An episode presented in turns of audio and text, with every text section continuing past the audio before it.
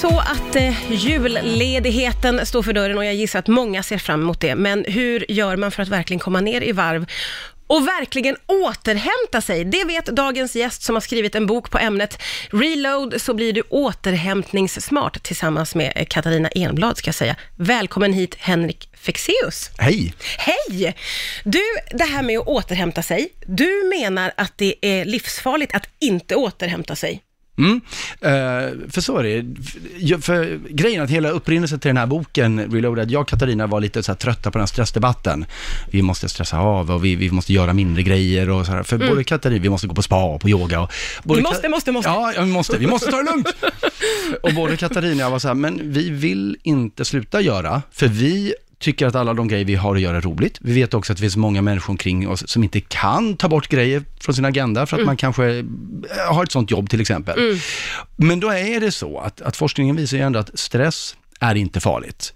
Vi är byggda för ett stress. Stress är bra för oss. Ja. Det är stress som motiverar oss, det är stress som får oss att agera, det är stress som sätter lite eld i baken på oss. Mm. Vad som är farligt är när det här tänkta tillfälliga påslaget, som vi kallar stress, när det blir ett permanent tillstånd, ja, när vi det. bara går i det, då ah. sliter det på kroppen. Ah. Så stressen behöver inte vara farlig, men eh, att inte återhämta sig är livsfarligt. För meningen är att mellan de här påslagen så ska vi göra vissa saker med våra tankar, med vår kropp för att liksom återställa balansen och världarna igen. Mm. Men gör vi det, och, och, det är ganska, kan vara ganska korta, enkla, praktiska saker. Det behöver inte ta lång tid. Okay. Det är säkert jättefint med yoga. Mm. Jag vet inte, jag har inte tid. men, men, det finns liksom korta, effektiva tekniker man kan göra. Ja. Och då kan man fortsätta ha ett liv med gaspedalen i botten och ändå må bra och tycka det är roligt. Men hur bra är vi generellt på att uh, återhämta oss Nej, då? Men jättedåliga. Jättedåliga. det är ingen som har talat om hur man gör. Och, och, igen, alla har pratat om att ah, jag borde inte stressa så mycket. Men man vet inte riktigt vad det betyder. Nej. Och så på sin höjd det kanske säga, ja men igår, då stressade jag i alla fall av. För när jag kom hem från jobbet, då drog jag på mig myskläderna och så dök jag ner i soffan, så slog jag på Netflix och så åt jag glass och så scrollade jag lite, lite Facebook. Jätte, jätteskönt. Nej, det är Nej. jättedåligt. Det är bland det sämsta du kan göra. Helskotta. Därför att, vad, för det är vad som kallas för passiv återhämtning. Det ger väldigt lite. Vad du gör när du gör det där, är att du bombarderar hjärnan med massa ny information från sociala medier och så vidare, som är det sista den vill ha. Vad väldigt många människor inte förstår, det är att effektiv och bra återhämtning, det är faktiskt oftast en aktiv handling.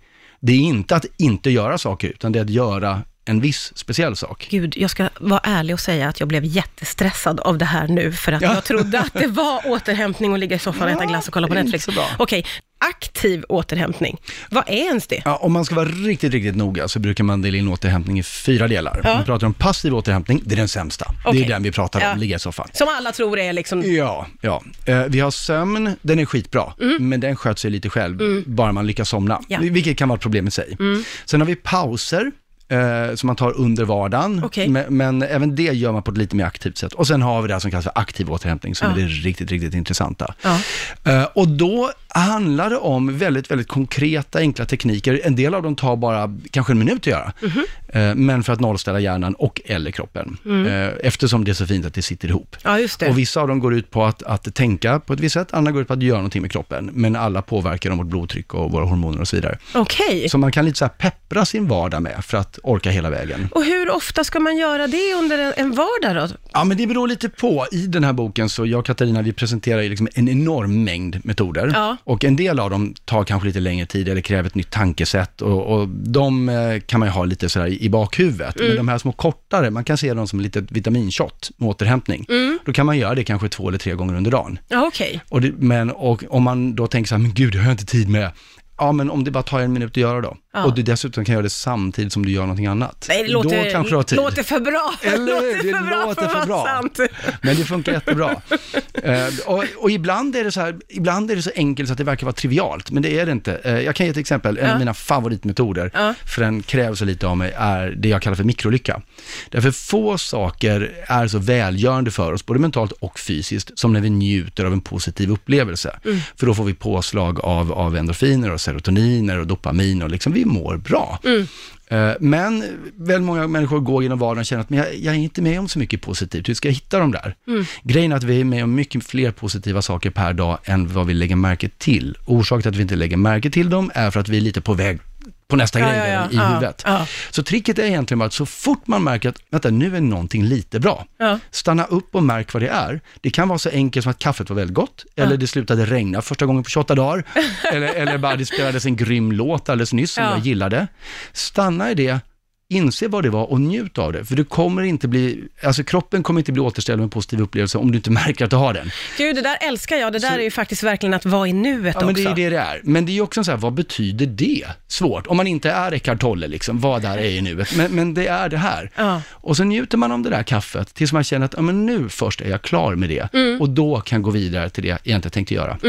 Det här tar sällan mer än 15-30 sekunder, Ja, men det är enormt välgörande. Ja, så gud. mikrolycka, och speciellt sådana här mörka, regniga dagar. Ja, ja. Hitta alla de där tillfällena. Det där ska jag verkligen ta till mig. Jag vet att du också menar att eh, det är lite individuellt hur man behöver återhämta sig. Jag tänkte vi ska prata om det efter Swedish House Mafia. Under låten här nu så kommer vi att prata om ett uttryck som många känner igen sig i. Det här att ha balans i livet som du har starka åsikter kring kände jag, Henrik. Ja, jo, men för att jag upplever att det är en metafor som stressar väldigt Jag har mött faktiskt fem personer som påstår sig ha balans i livet. Ja. Jag vet inte hur bra självinsikt de människor har.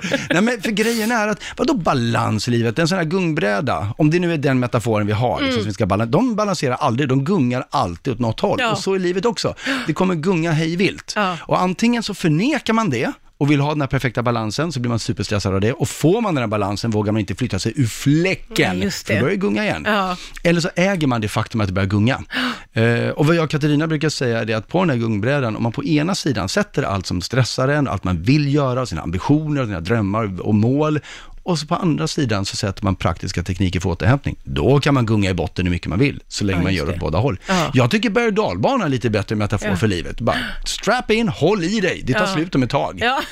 Alltså, ja, men det kanske är mer sann, en sanning faktiskt, att det är så det är. Jag tror mycket av det som jäktar oss i onödan är att vi har så idéer om hur vi ska vara i tillvaron, som kanske inte riktigt stämmer. Nej, eh, och, och det här också då att jag eh, inser ju att vi behöver olika som individer, att Mm. man, får hitta, liksom, man får hitta sina sätt även vad gäller återhämtning, antar jag. Jo men så är det, därför att det finns vissa typer av återhämtningsmetoder som funkar för alla, mikrolycka som vi pratar Ja, om. ja, men ja. sen så är det så att lite beroende på vad du har för karaktärsdrag, så finns det vissa saker som är bättre eller sämre för dig. Till exempel om du är en person som är vad vi kallar för en, en ganska passiv människa, som kanske har, du vet, du har så mycket att göra så att det låser sig för dig, du ligger här i soffan för du vet inte var du ska börja. Mm.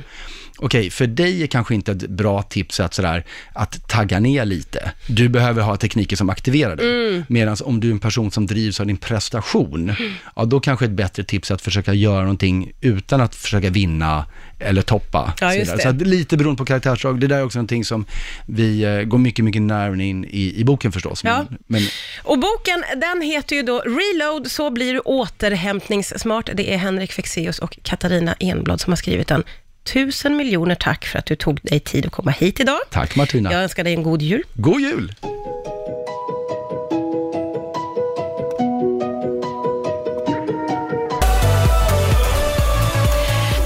Rix FM. Det är eh, Henrik Fexeus som är här. Vi pratar om hur man på smartast sätt återhämtar sig. Och under låten här nu så kommer vi att prata om ett uttryck som många känner igen sig i. Det här att ha balans i livet som du har starka åsikter kring kände jag, Henrik. Ja, jo, men för att jag upplever att det är en metafor som stressar väldigt Jag har mött faktiskt fem personer som påstår sig ha balans i livet. Ja. Jag vet inte hur bra självinsikt de människor har. Nej, men för grejen är att, vadå balans i livet? En sån här gungbräda, om det nu är den metaforen vi har, liksom, som vi ska balans, de balanserar aldrig, de gungar alltid åt något håll. Ja. Och så är livet också. Det kommer gunga hej vilt. Ja. Och antingen så förnekar man det, och vill ha den här perfekta balansen så blir man superstressad av det. Och får man den här balansen vågar man inte flytta sig ur fläcken. Just För då börjar det gunga igen. Ja. Eller så äger man det faktum att det börjar gunga.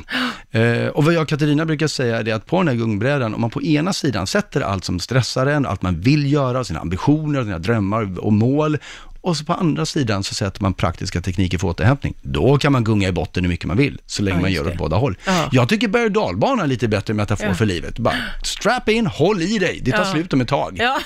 Alltså, ja, men det kanske är mer san en sanning faktiskt, att det är så det är. Jag tror mycket av det som jäktar oss i onödan är att vi har så idéer om hur vi ska vara i tillvaron, som kanske inte riktigt stämmer. Nej, eh, och, och det här också då att jag eh, inser ju att vi behöver olika som individer, att Mm. man, får hitta, liksom, man får hitta sina sätt även vad gäller återhämtning, antar jag. Jo men så är det, därför att det finns vissa typer av återhämtningsmetoder som funkar för alla, mikrolycka som vi pratar Ja, om. ja, men ja. sen så är det så att lite beroende på vad du har för karaktärsdrag, så finns det vissa saker som är bättre eller sämre för dig. Till exempel om du är en person som är vad vi kallar för en, en ganska passiv människa, som kanske har, du vet, du har så mycket att göra så att det låser för dig, du ligger här i soffan för du vet inte var du ska börja. Mm.